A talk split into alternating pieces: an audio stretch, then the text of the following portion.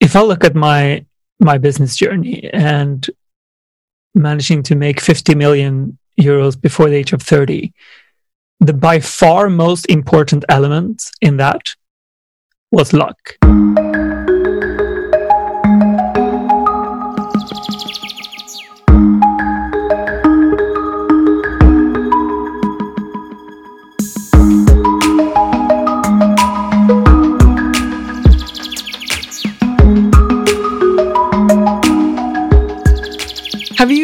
Wondered how the world's most successful people create flow and momentum in life?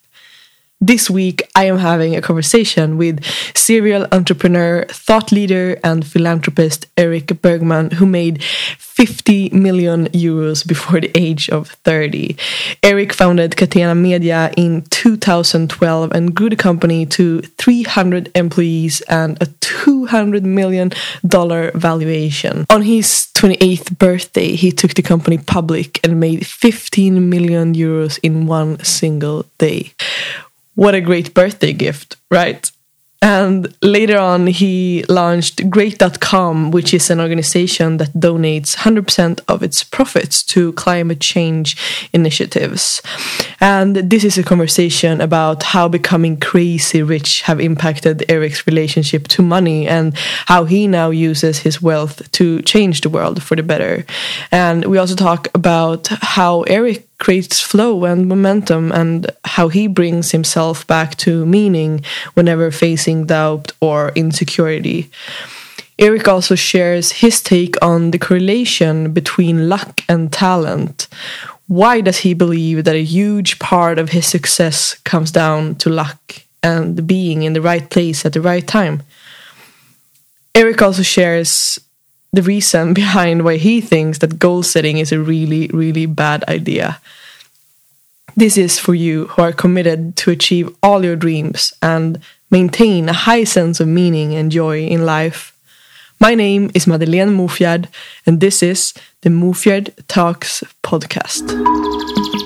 Hi, and welcome, Eric Bergman, to the Mofjard Talks podcast. Thank you very much. It's a pleasure to be here, Madeleine. It's so nice to have you here. I've I've truly been looking forward to this conversation with you, and um, I'm of course wondering how you're doing. Like, how are you feeling? How is your soul? How is your heart? How are you?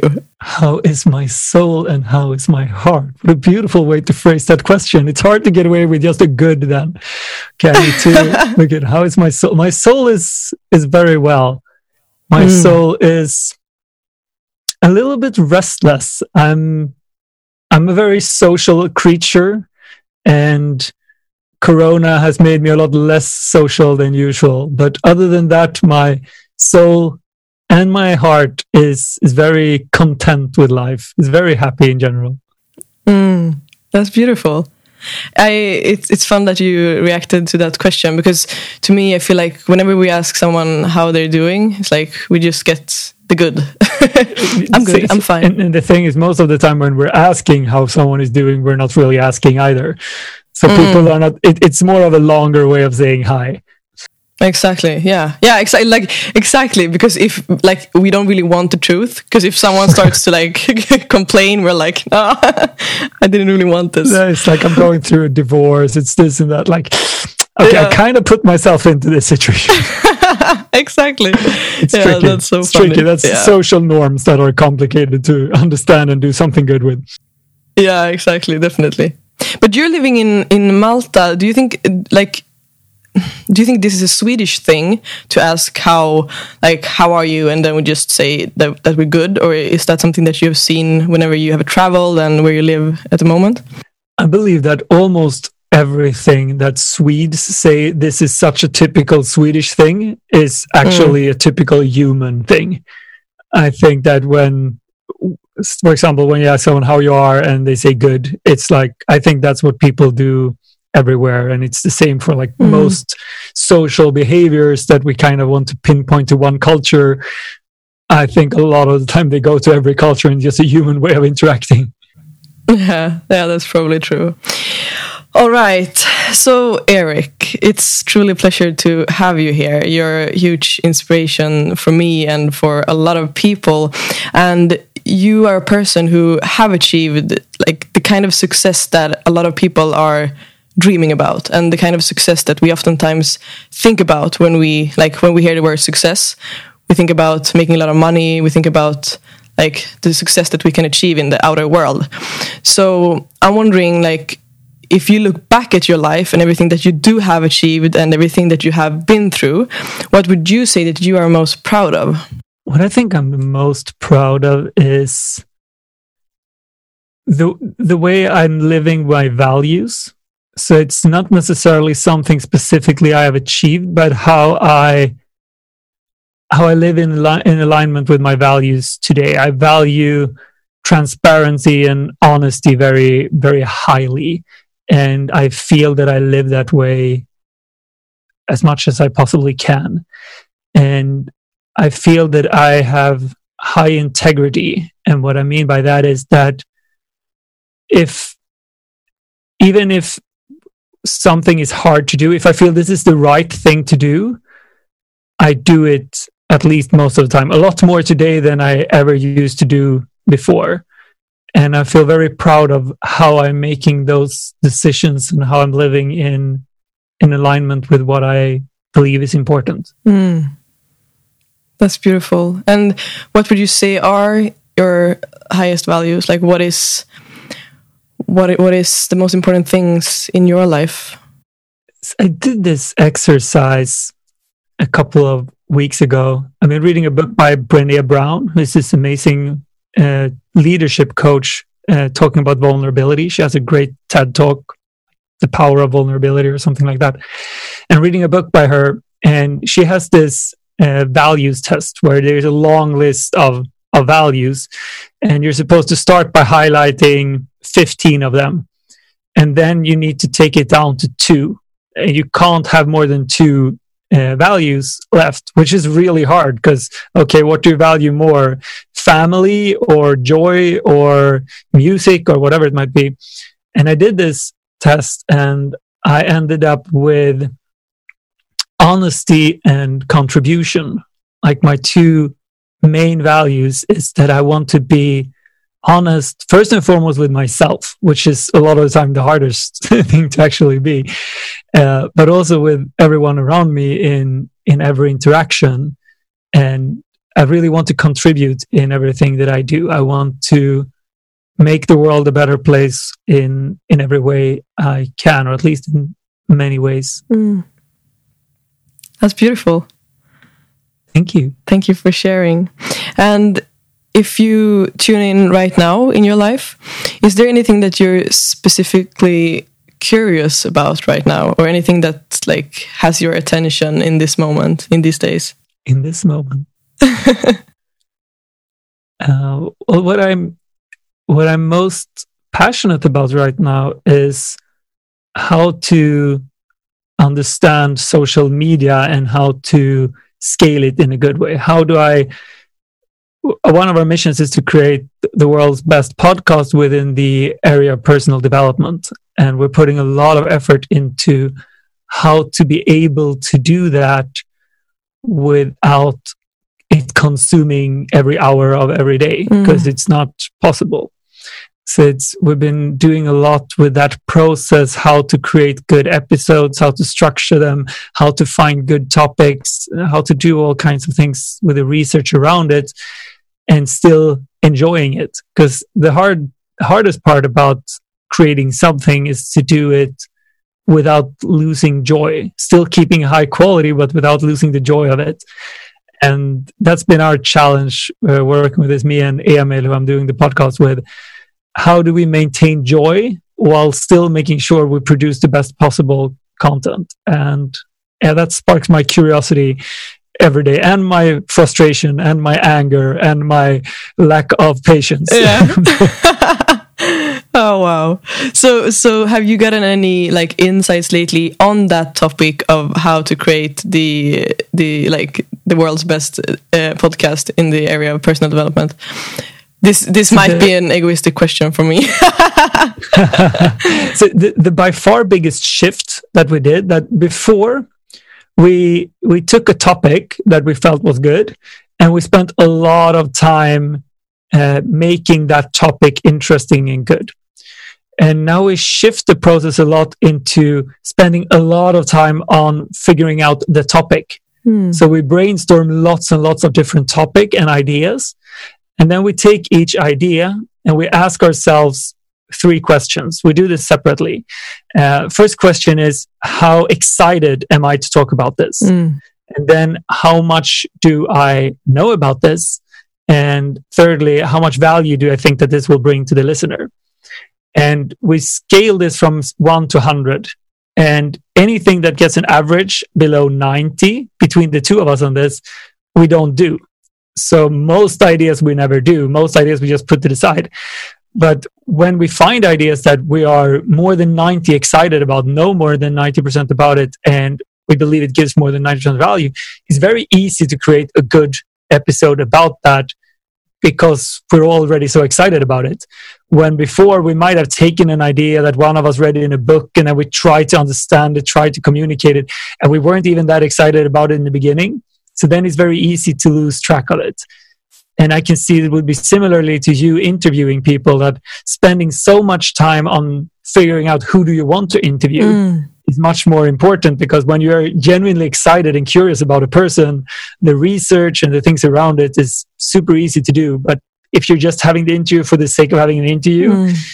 it's definitely much harder. Yeah, definitely. That's so good. And I think it's beautiful that you mentioned these things of like the importance of actually doing things that brings you joy because I feel like that is something that like it's like your whole your whole being is like shining that like authenticity, the way that you are like in alignment with who you are. And I think that's definitely a superpower and that that is something that yeah, I think it's a it's a superpower to, to use that, and it's and it's yeah, it's nice that you mentioned that. Um, and you were talking a lot about uh, doing things that brings you joy. What are some things in your life that you do just for the sake of having fun and experiencing joy? So I think this is a very hard question for me in in a sad way because I, I have very very few things in my life that I enjoy for the pure enjoyment of it. I, I'm not sure if I have any, to be honest. Um, but I feel I I love I love the things that gives me meaning and I love to do them with joy. So for example, the podcast is definitely not pure joy. It's a lot of effort, it's a lot of hassle around it, but I do it in a way that I really enjoy it. I I dance and I love dancing, but it's still challenging me in a way I'm, I'm definitely not feeling confident on the dance floor in the way that I would want to. So it's still struggling from a personal development uh, perspective. And pretty much everything that I do has an element of meaning in it, but has a big element of joy in it. And I've been actually trying to come up with things that I purely enjoy, like watching movies. I don't really enjoy it. Playing video games, I don't really enjoy it.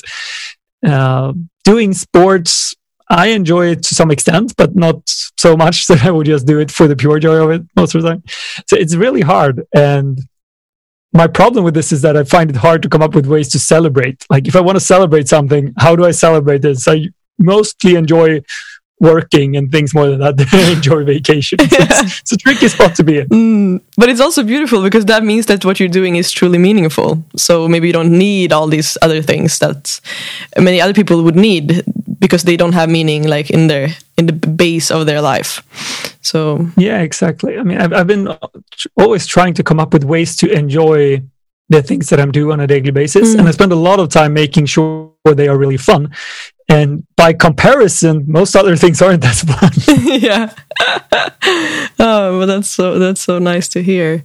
And something that I'm so curious about with your story and your journey is the fact that you made over 50 million euro before the age of 30 and that is something that to me is i mean it's super inspiring but i'm also interested in hearing like how that affected your relationship to money and i've also heard you talk in other interviews about the fact that you were quite conditioned to believe that money would give you happiness and so I'm wondering, like, what happened in that, like, the transition when you all of a sudden made a lot of money, like a huge amount of money.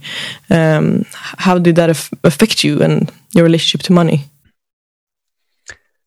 Because growing up, I was a, pretty lonely child, and I didn't have many friends, and I had this feeling that if I only had money, I would be happy. And that played an important role for all of my teenage years and it played an important role in me starting a business. And at age 28 we we finally made it really big. We took our company to the stock exchange and in that day alone i made about 15 million euros selling shares um, on my 28th birthday. And that day was the day where i reached all my my goals. And i was super happy. My i walked around and was smiling with my whole body. I was mm. dancing and giggling and and i had accomplished all of these things. And then two weeks later i woke up and i didn't really want to get out of bed i felt like i was a bit sick my relationship was not in a very good place i had neglected my health and i realized that okay i'm not happy anymore. Now I have all of these things, and I've always said, when I reach there, I will be happy. Now I couldn't say that anymore because I had already reached there and I wasn't happy. Then now was my excuse for not being happy. What's what am I going to blame it on?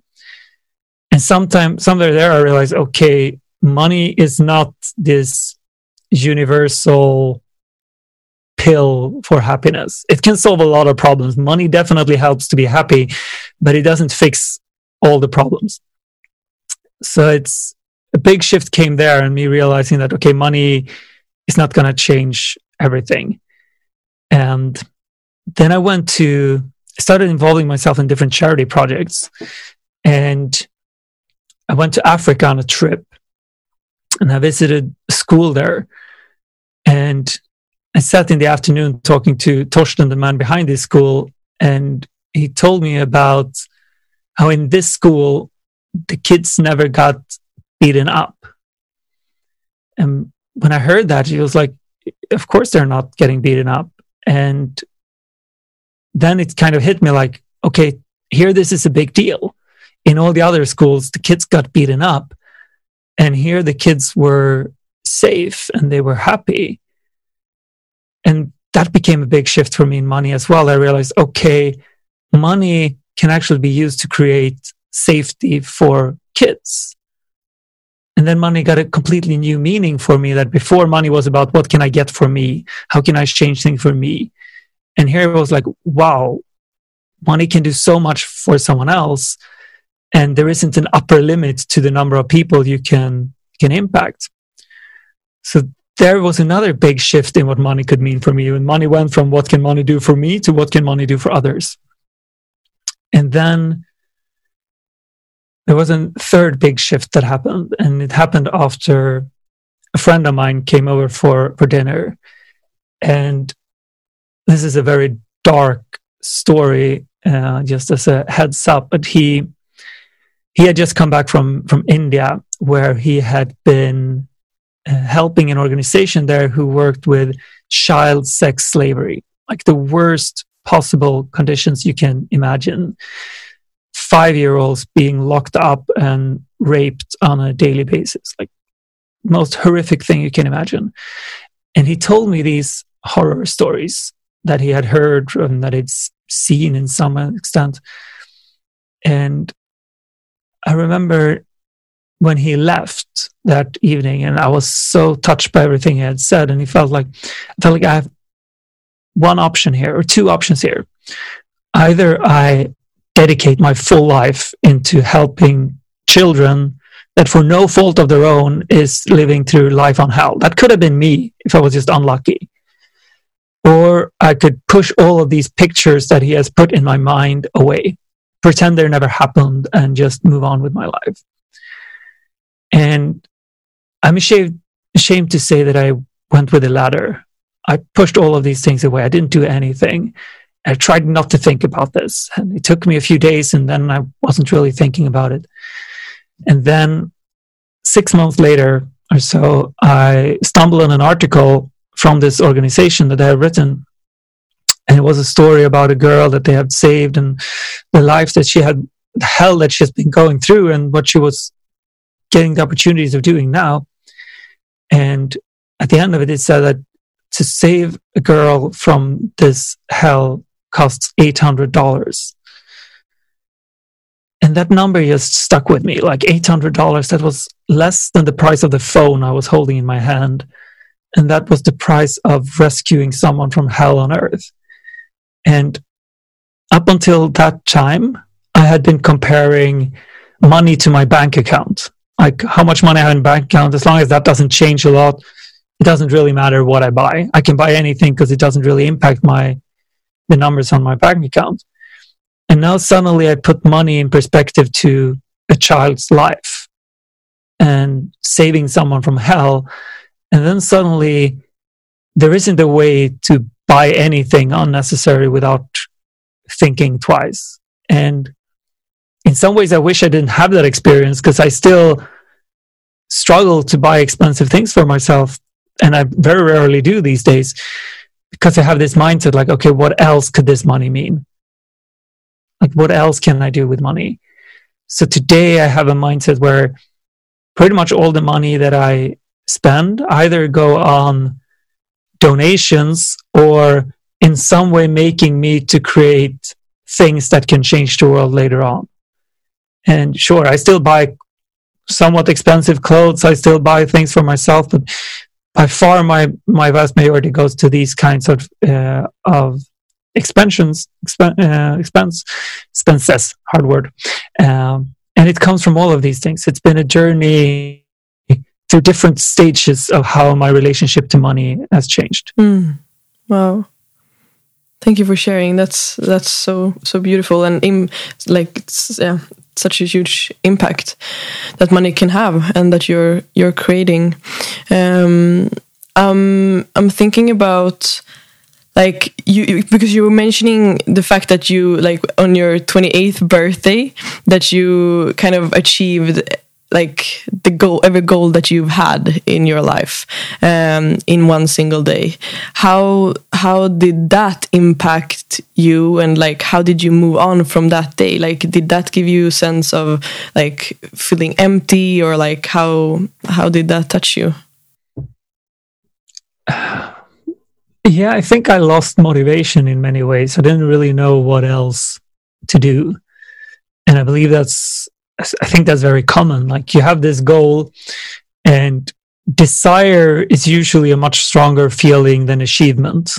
Like your feeling of wanting something is usually much more, a much stronger emotion than the feeling of actually getting it. Actually getting it doesn't usually last very long. And suddenly desire is gone. So desire is usually what drives motivation, actually getting us to do things. So I definitely had a couple of years there when I was lost and a big change came with this trip to Africa and realizing that, okay, there is a new meaning of money. There is a new purpose of things that kind of motivation came back from instead of me wanting to have as much money as possible for myself, now me wanting the world to be a better place, that's a much bigger goal. It's somewhat easy to accomplish financial freedom for yourself. It's not easy to fix climate change. That's that's a bigger challenge. I, I still have something to do there. Mm. Yeah, so you get new goals. I got new goals. It took some time to find them. Yeah. I got new goals. Yeah, but that's great. And and something that I'm I'm really interested in is because I've seen, I don't really know where where, but I've, I've I saw a photo of you and your brother when you were like really young. I don't know, like under the age of three or something, and and how you like came up with these entrepreneurial ideas at that age, and it was just so like beautiful to see. Um, so I'm curious, like, do you think that the entrepreneurial mind and the mind mindset that you as an entrepreneur has do you think that is something that comes in our dna or is that something that we can develop over time? And who, who like who can become an entrepreneur? I think it comes with our dna and i think it comes with everyone. Mm. so my definition of an entrepreneur and that's not really the standard definition i don't know but my definition of entrepreneur is anyone who on their own initiative does something that can generate money. And I believe that everyone has done that at some point in their lives. And that could be go and sing for the neighbors for uh, some coins as a kid. But that could also mean cleaning out your closet and selling the stuff on eBay because you're you're not making a profit from it but to me that's not important to me you're actually taking the initiative to turn something else to money and i believe that everyone has done this at some point in their lives at some extent so for me everyone is an entrepreneur and it's just about keep looking at those opportunities and I started doing this very early, and it was mainly thanks to my brother. He had all of these ideas. I was just following along. But I think that if we're just cultivating that, if we start by, if, if someone wants to be an entrepreneur, my first advice is start by selling all the things that you don't need at home. Because put them on the internet, on Facebook Marketplace or wherever, and sell it. Because what you're doing then is, first and foremost, you're getting some money, which is nice. Uh, but secondly, you learn that I can create money from something that wasn't money before. And I believe that this is the same as, you know, if, if you bought a new jacket or a new car and you feel like, wow, I'm the only one who have this. This is so nice. And then you go down the street in the city and you see that jacket or that car everywhere and I think it works the same with with opportunities. Like if you start by making money from selling things you had at home, you start looking for opportunities, and suddenly you see them everywhere because you shifted your mindset. Mm. You didn't see them before, like you didn't see the cars before or the jackets before, but now you know what to look for. So I think that everyone has this entrepreneurial mind within, and everyone can pretty easily access it. We just don't think about it. Mm. That is so great. And I love how you like just take down the idea of what entrepreneurship is because I think a lot of people think that entrepreneurship has to be this huge like company or like so it's it's so nice that you just like bring it down a few levels uh, to what it truly is. And I mean it, it has to start somewhere. So that's a great step to just sell your stuff that you don't need. Um, Super easy. Yeah, definitely. that's that's great. And do you think like or something that i'm thinking is that um, and correct me if i'm wrong but i i think it's easy to look at people that have achieved some kind of success in life and assume that i mean they were lucky or that they like had it all easy and all of these things that a lot of people assume when they look at success. And i'm i'm curious like what have been some of your insecurities and some of your fears that you have struggled with and that you have had to overcome on your journey and also like what have been your tools to to work with them okay so if we if we start by addressing the luck part mm.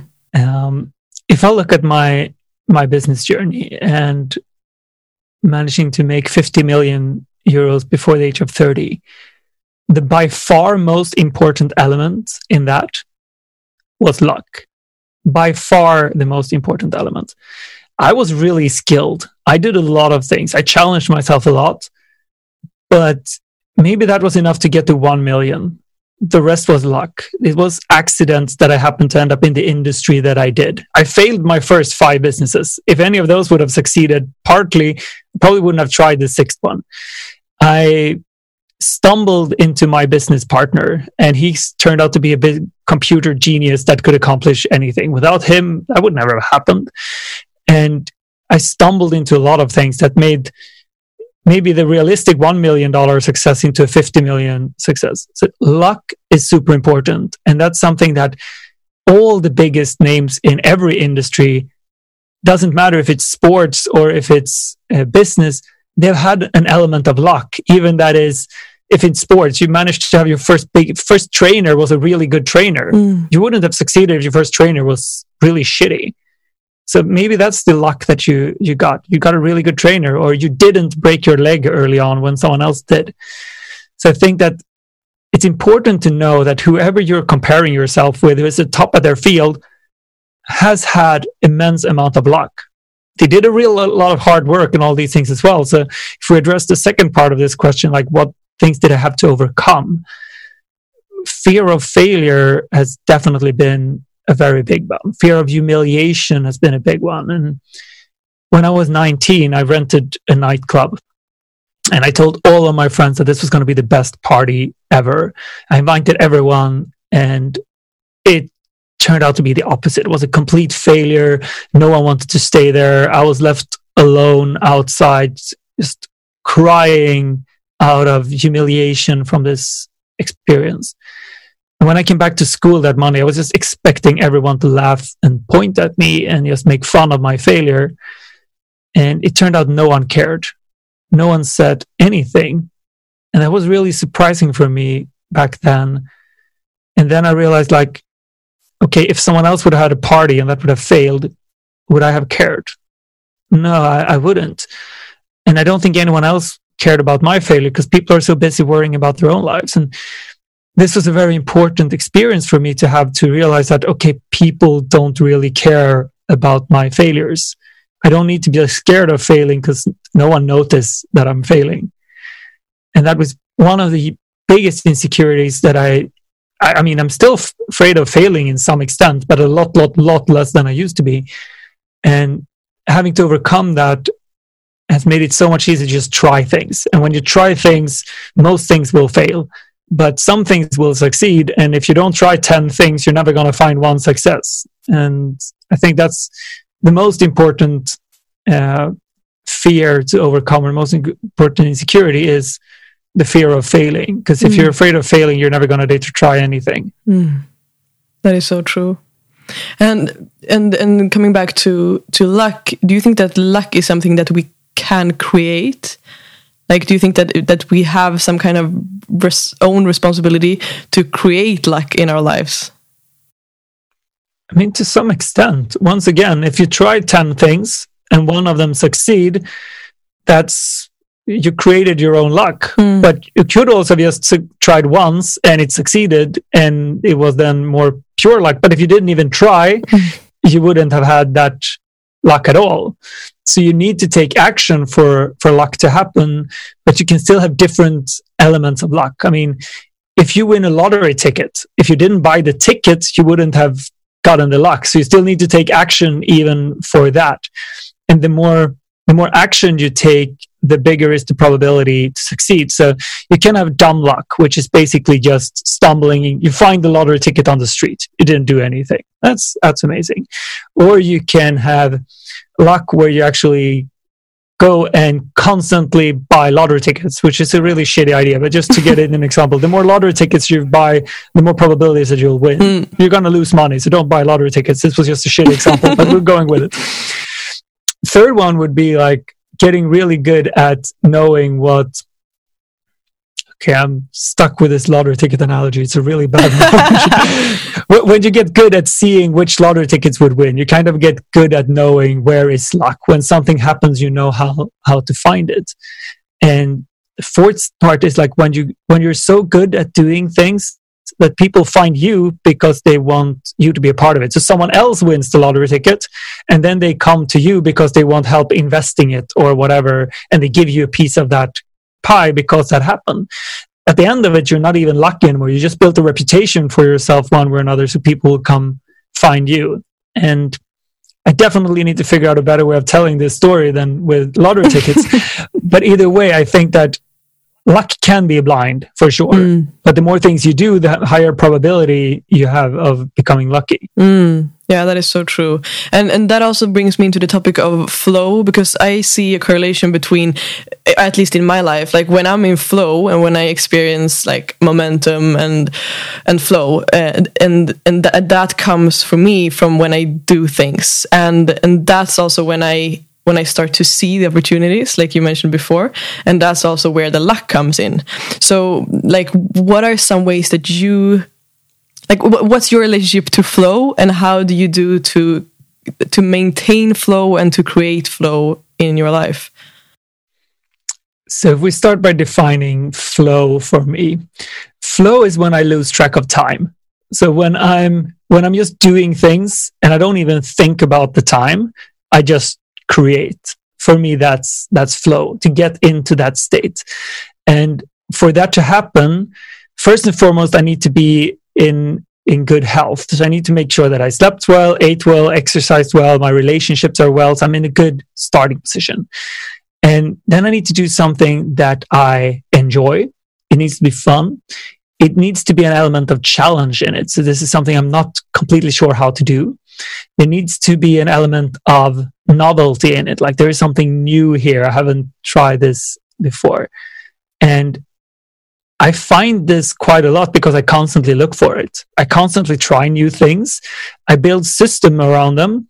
And as soon as I build a system around the process, I try to get someone else to do it. And I always ask myself if I'm, so for example, what I'm doing right now is that I'm, I want to learn Twitter. I want to scale Twitter and be really good at Twitter. And I want to do it without needing to spend the time on it, which is the biggest challenge because pretty much everyone who does something on Twitter or social media needs to put a lot of time on it. So my process then is how do I get really good at finding lots and lots of ideas? How do I get good at uh, writing them out in one big go? And then getting my assistant to schedule it, to put it in there, to help me source these ideas in a good way, and me not doing it anymore. So I can just have him do the process of getting everything to happen. And once I've accomplished that, I kind of put it away and I start with a new project. So I, I always want to find ways of learning a new thing to this to a level where I can teach someone else mm. and then not do it anymore. Mm. that's kind of because that way I can stay in flow. mm, that's super. Wow. And and talking about like the way that you schedule for Twitter, how long in advance like how how how uh, like how many like tweets ahead do you plan for and then leave it to your assistants? Because you said that you then move on. Like when you come back to creating new ones? Okay so i'm going to sound a bit like a freak now. In my my scheduling software for twitter i think i have 1100 Ooh. tweets scheduled up uh, four per day for almost a year. Wow. And my goal I, am also writing at the moment about four new tweets per day uh, and i do them in the moment and usually on the bath in the bathroom mm. uh, and i do that i want to create one year of content that is completely uh, that, that is not time sensitive. So I'm not writing about Corona, for example, because mm. it's time sensitive. And then a year from now, I want to publish the same content over again. So mm. I kind of mm. create one year of content that you can start over and over again because no one remembers what I wrote a year ago. And most people didn't see it a year ago. So I can do the same thing. And that way I create a machine that kind of produces five to 10 tweets per day without taking a lot of effort on my behalf. Mm. And that is still very valuable for the people seeing it. Mm. And most people either forgotten it or they will see it for the first time. In that way, I create a social media machine that continuously produces content, uh, but I don't need to do it five hours a day. Mm. That is so smart. Wow. What a great idea. This is the entrepreneurial mind. Don't tell anyone. exactly. I won't tell anyone, but I, I will use the idea for myself. oh, that's so lovely. Or, it's the same thing that I'm doing now with Instagram. Mm-hmm. Like I build a process for creating the content. I have designers helping me. I have lots of ways of finding ideas. I have an assistant publishing everything and doing everything around it. Mm. And my goal is to create one year of good content and then keep spinning it around. Mm. Wow, and that is that is interesting as well. Like, how much time do you spend on social media since you have all these uh, like people helping you? Do you like uh, because a lot of people struggle with the fact that we get like stuck scrolling on social media? Does that happen to you, or are you like completely out of social media since you're like creating and then handing it over? So I believe. I mean, imagine that you, that you took the smartest people in the world, like smartest scientists in the world, and you put them together in a lab and you gave them the job to create the most powerful drug, the most addictive thing there is. And then you gave them 1 billion test people that would use the drug every day, and they can test as many things as possible. Uh, to me, this is social media. This is what has happened. The smartest programmers in the world do this. They work for Facebook and all of these companies. And I'm I'm getting addicted to this. I can't help myself from getting sucked into scrolling and browsing and this thing. So I'm I'm simply I'm not following anyone on Instagram, for example, because it's too addictive. I follow some people on Twitter, but Twitter is less addictive because it takes more brain power. So on on Instagram, you're just watching images. It doesn't really take any brain power. You can just get sucked in, watch, watch, watch, watch, watch, and 99% is crap, if not more. Twitter is ideas. So you need to think because it's text, which makes it less addictive. I'm following people on Twitter, uh, but I'm not. I'm, I follow zero accounts on Instagram because I get addicted to it. I get addicted to scrolling, and I really don't want to do that. So I spend almost no time watching someone else's content on social media. And but i spend obviously a lot of time answering people reaching out and creating content for myself. Mm, yeah. Yeah i think that's that's the key as well. And it's something that i've struggled with myself like the correlation between me creating content and like me consuming content. And like i think it's it's yeah it's dangerous if we we fall into the trap like if it's 50 50 50 percent creating 50% consuming that's just like the death. Yeah and it's really easy to end up 99% consuming yeah. and 1% creating and uh, i mean i think it's i think it's important to remember that this is smart people who have tried to create a drug and they've done it well. They're hijacking our brains. Our brains are not built for social media our, our, brains are built for the savannah. It's like, and then you take some really smart people hijacking it. I think I think social media, if social media is being used well, then I think it's one of the most powerful tools ever created for personal growth, for business, for anything. But if it's used poorly, it's one of the most powerful drugs ever created. And unfortunately, very, very few are using it well. Mm, yeah. That's definitely true, and I'm I'm curious because you have grown your following to like you have I don't remember the exact amount, but you have an an, an like a huge impact on Instagram and social media. What have been some of the keys that you have used in order to actually, yeah, to actually create this impact that you have on social media?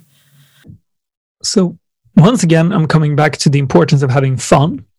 So if you look around on on YouTube, for example, how to grow your Instagram account. All of them talk about how to grow your Instagram account. Pretty much no one talks about how to enjoy doing content for Instagram. And I believe that there is there's a pyramid involved in uh, in accomplishing big things. And the first level of the pyramid is about having fun. If you if you start creating Instagram content and your only purpose is to have fun, worst case scenario, you don't get any followers, you don't make any money, but you have fun. I mean, that's that's a pretty good reason to do anything. You have fun, as we touched upon before. And the second level of this is when you start learning things. So you do things for the fun, and then the next step in the pyramid is to learn things. If you have fun, you keep doing it, you learn, you get better. Hey, this is perfect. You're this is a good enough reason to do anything. If you have fun and you learn, spot on. The third level in the pyramid is to start adding value. If you have fun, you learn and you add value to other people. Other people get value from what you're doing. Now you're really making something meaningful. And still, you're not focusing on making money or growing, but you don't really need that. If you have fun, you learn and you help.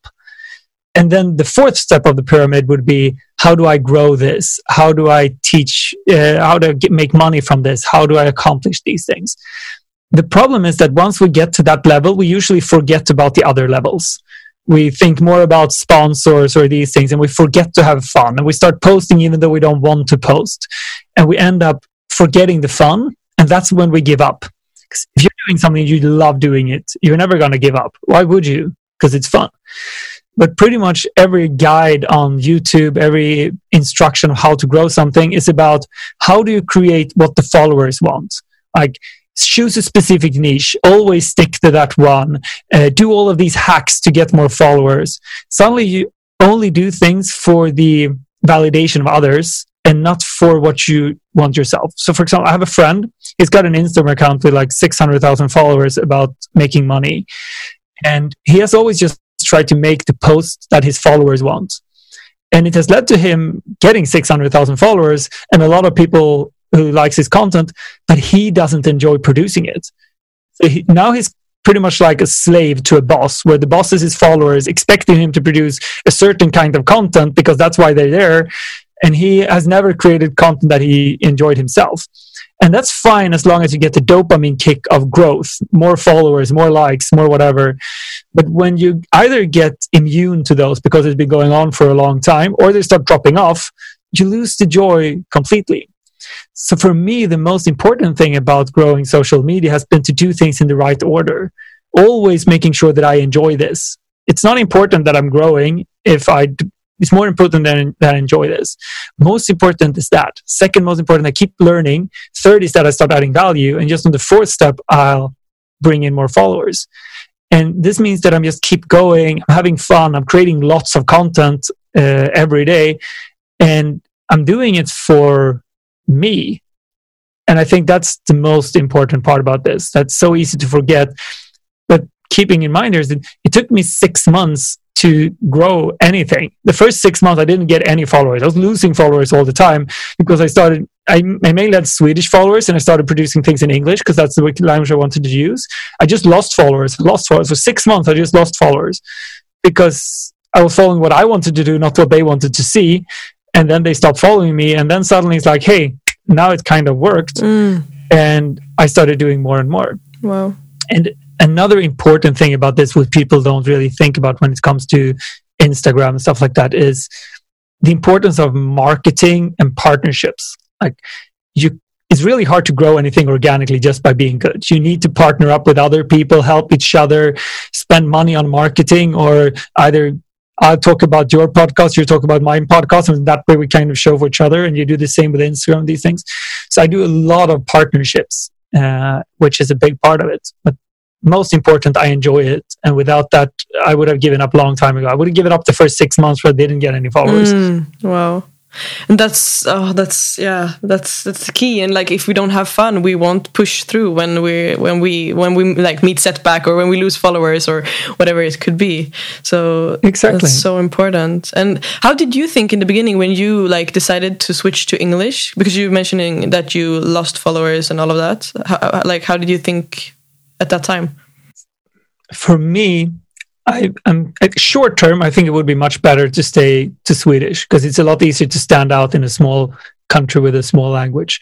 In English, you're competing with the best in the world. In Swedish, you're only comparing with competing with the best in Sweden. But for me, this is a very long term thing. I want to do this for decades. And even though there's much slower start in English, there's a much bigger potential in in English. And I'm not in this for the one year timeline. I'm in this for the decade timeline or the decades timeline. And then it's a complete no brainer to do it in English. Mm, yeah, exactly. So it comes back to the value thing.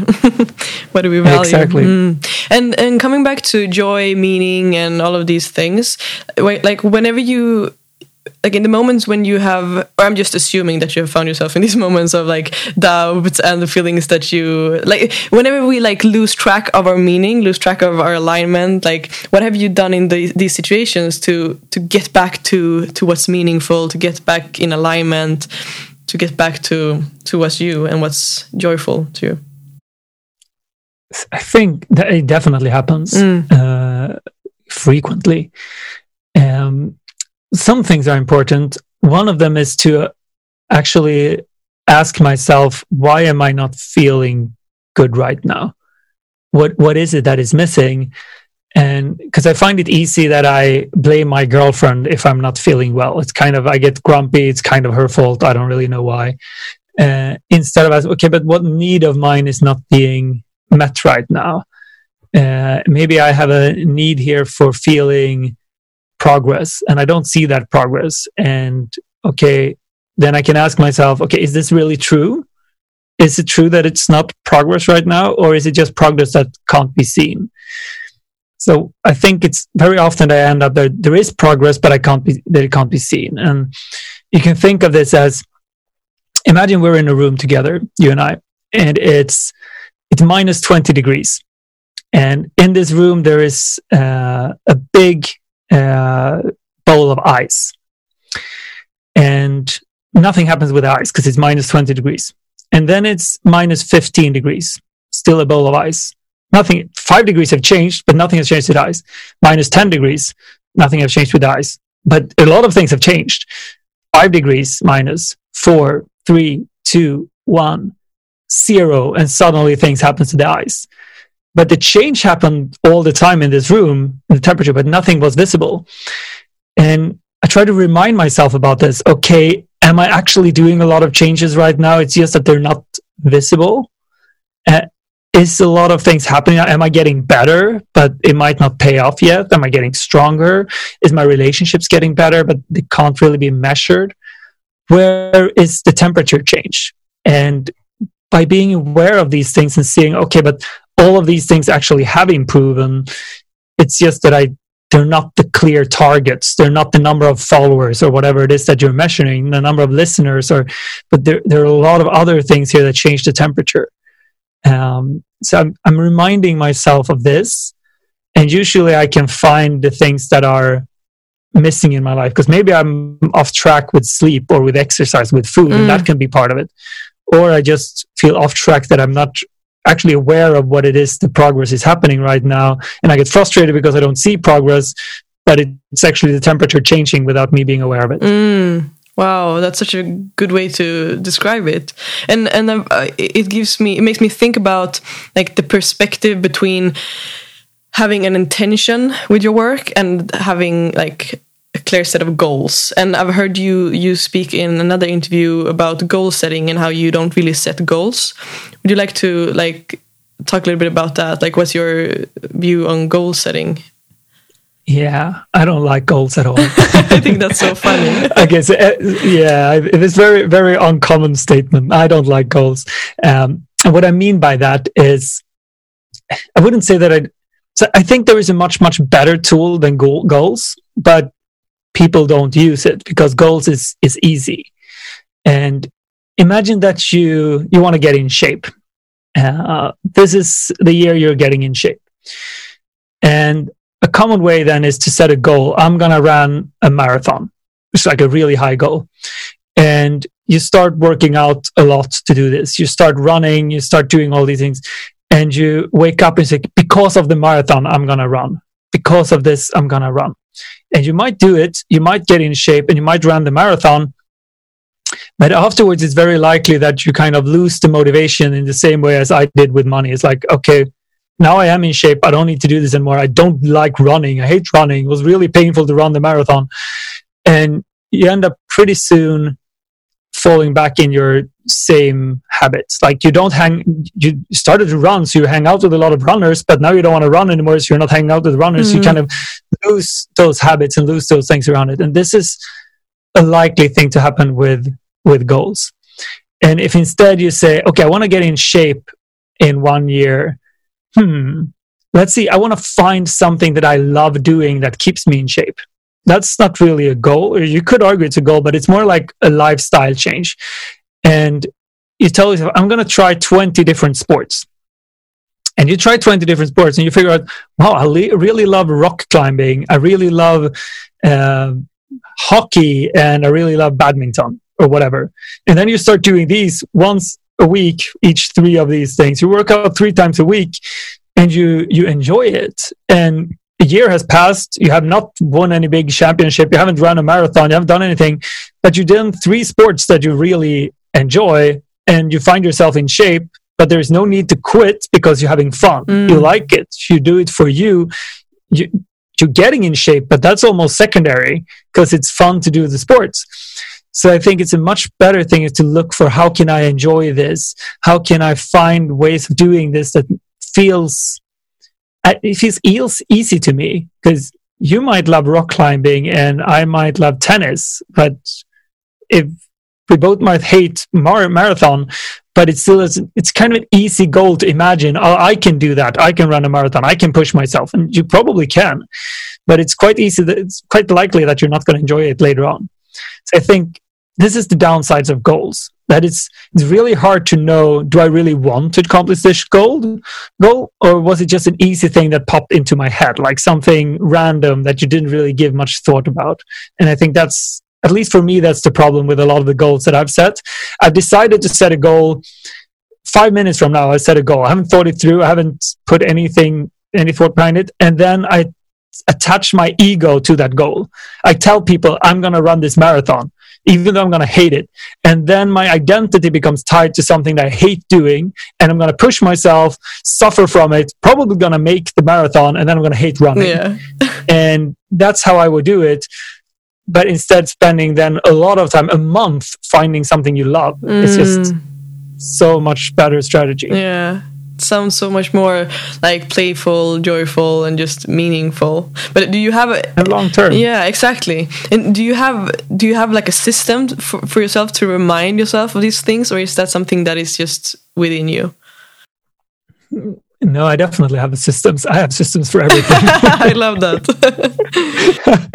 okay, so this is going to be a bit nerdy and hard to follow, and only the people who are very dedicated will have use for this. So if you're a very dedicated person, stay on. Um, so I'm using I'm using an app called Anki Flashcards, and the icon in App Store is like a blue and white little star on a black background. I think there's a lot of apps called Anki, and in this app, I put in notes on things from my life and things I want to learn and things I want to remember. And I study this a little bit every day, most of the time in the bathroom. Bathroom is a good place to learn things. uh, and what this app does then, um, so I started doing this for uh, learning Spanish. So you put a word like, well, hair is called cabello in Spanish, and caballo. Wait, never mind. See, Isn't that horse? Caballo. Yeah, it's Horse. caballo is horse and cabello is hair. Oh yeah. Uh, close enough. And I always mix up the two. It was the first Spanish word that for some reason popped into my head. Regardless, you put this in in the phone, and then you get the question. Uh, do you remember this? And it's the word. And if I say yes, I'll get the question two days later. If I and it asks me, do I know the answer? If I say yes, I get it four days later, and then eight days later, then sixteen days later, thirty-two days, and it keeps growing. So it, it keeps asking me the same question, and I have the same thing for different concepts. So, for example, one concept that I wrote down in my phone that I studied today, I wrote down this probably two years ago, and it is whenever I'm in a group conversation, I want to keep track of who speaks the least and I want to ask that person a question. That's like a social behavior that I want to have. And I thought about that at some point in some group conversation and I wrote this down. And I get this reminder to myself then on an increasing time span. And if I don't remember it, I say, oh shit, I haven't done this when I'm in a group conversation for a long time. Then I say that I don't remember this question and it starts back on one day, two days, four days, eight days, 16 days. So I do this with with concepts, things that I want to remember. And then I simply ask myself, do I remember this? And it's the same thing for like exercise and joy. I've done a flashcard when I realized that. I did a flashcard about, okay, these are the things that are important for me to exercise. It's important to me that I enjoy it. It needs to be at least 51% fun, otherwise, I'm not going to do it. It's important to me to stay consistent with which days and which times I'm doing it.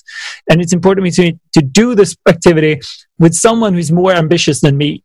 Because if I need to be the one dragging someone else to the gym, that's never going to happen. But if I have someone who does this so easily that it pisses me off, like, then that's the perfect partner to be with because they're going to get you there. So if I have those three things, and I got this written down on my flashcard about exercise, exercising is easy. But without those three things, exercise is really hard. Yeah. so I want to remember, remind myself of that. Like, am I doing this? Do I have these things? Yes, yes, yes. Good. Then I'm on track. Mm. Wow. That's super. And what's the name of the app again? Anki, A N K I, flashcards. Mm. And there is a lot of apps that use that name. So that's, I'm using the one which is like a blue and white star Mm. on a black background. Wow, that's great. I'm definitely gonna check that up. I love the idea. It's, it's, an, it's a nerdy but amazing tool. And it basically creates an eternal memory because whatever notes you put into this, you're gonna, some of these flashcards, I have, I get the question back and it was three years since I saw it the last time. And if I remember it, that's great. Then I get the question six years from now. If I don't, it's like, okay, I need to remind myself about this one. But that's great. But but does do they pop up like automatically, or is it when you enter the app? When I enter. But you can probably have a pop up setting, but like I have zero notifications on my phone. I think that's the most important thing you can do if you have a phone is to turn off notifications because that's the most powerful drug part about a phone. It's when when you have notifications on, your phone controls you. You don't con- control the phone. Yeah, that's definitely true. Mm, and I want to come back to because we were talking about how to create the world's best podcast within the personal development area. So, and I know that you you're running the becominggreat.com podcast. Would you like to yes. to tell me about uh, like the story behind that podcast and uh, yeah, tell me about it. Yeah, so the podcast is is me and my good friend Emil, uh, who was the first one joining me in Great and is among the most brilliant people I've met in my life and the most fun person I know to learn things with. And we're creating this podcast, which is partly about great.com as a business that we're building. What is the everyday challenges you have of running a startup? What happens? What do you learn from it? Where, where's the disappointments? How does it feel to deal with them? All of these kind of things. But we're also very focused on personal development and entrepreneurship. And we spend a lot of time thinking about what concepts do we want to talk about and breaking that down as we spoke about before. And then we do some episodes which are very focused on how to make money or how to build a successful business. And then some other can be very focused about relationships or social skills or health. And we combine these three uh, types of episodes which usually a podcast is either you interview people or you stick to one topic but once again, this is what we enjoy the most. This is what we feel add the most value to our lives. And that's why we believe that if we have the most fun with this, we can create the best possible content from it. Mm, wow, that's great. And do you have any like any episode or any yeah any like subject that you if I were to listen to one episode, which one would it be? so one episode that I'm really proud of and I think is a very good episode to start with is I think it's number 67 uh, how to make a thousand dollars per month online. And it's a step by step guide, kind of what I believe you need to do to start making money as a side business. And I believe that anyone can make a thousand dollars online fairly easily if they just follow these different steps. And it's it's important. Joy is a big part of this, why you can make it happen. And I believe that if if people make thousand dollars extra each month, that's enough to solve pretty much all of your money problems. Like if a dishwasher breaks down, you can solve that. If someone gets sick, you can solve that. And it's the first step to being able to live a life where you don't need to have a boss, where you don't need to sit in rush hour traffic. And it's it's the same process to get thousand dollars as it is to reach ten thousand dollars. It's just more work and more time. But that recipe that I used uh, at first is in that uh, podcast. And I, I want to create a world where people are happy and free. And I want to do that because I believe that happy and free people wants to help others. But before we're happy and free, we just want, we need to help ourselves. So if I can help others to help themselves, then I believe that those people are much more likely to help others in the future and we'll simply have a better planet. Mm, definitely. And it's something that came to me when I heard you talk about this is the fact that you are talking about joy in correlation to making money and how joy will like will will will guide you into making money and and and that gave me the ins- the realization that I am I have been so conditioned, and I think a lot of people can relate to this condition to think that it's like the suffering that will take me to making money. Like having a job that i hate like doing stuff that i hate that will make me make money and it's just so like stupid. And and that's something that i have been struggling with as well to like actually like charge for my services and to like to be okay with the fact that i can make money out of something that i love to do and like yeah. I, I just thought about it now. It's, it's so interesting. Yeah that's like especially if you take in in swedish. So the word for work in swedish is jobb. And then we have the word jobbigt which basically would mean worky kind of. But it actually translates to painful. So it's like by definition working in swedish is painful. Yeah. and that's just really weird way of looking. And it's yeah. the thing you're supposed to suffer to make money but it's it's completely upside down and i like to think about this as so it's also you need to be good at something to make money And what people misses out is that to get really good at something, you need to enjoy it. Like there isn't a single professional football player that didn't grow up loving playing football. You would never become a professional football player if you didn't love playing football. And it's the same with being the best podcast host in the world or the best video editor or whatever it is. If you don't love it, you're not gonna become a super success at it. So what what we're talking about in this podcast is how do you find the things that you love? Because most people don't know what they love most people have no idea what they love because they're so conditioned in not looking at it and conditioned not thinking about it so that's like the first step is okay this is what you need to do to find what you love doing and once you uh, know what you love doing this is what you need to do to get good at it you can actually sell it. And after that it's like okay what's the next step? When you're good at something you love doing this is what you need to do to turn it into money. And that's like the steps you need to take and we're guiding you through that process. Mm, that's so great. And if you could like like coming to a whole different uh, topic but if you could if you got the opportunity to talk with yourself when you were like 18 20 when you were younger what would you what would your advice to your younger self be so to start with i don't think he would have listened he was a little bastard uh, because ironically, if I could tell him something and he would have listened to it, mm. I would have told him to get better at listening.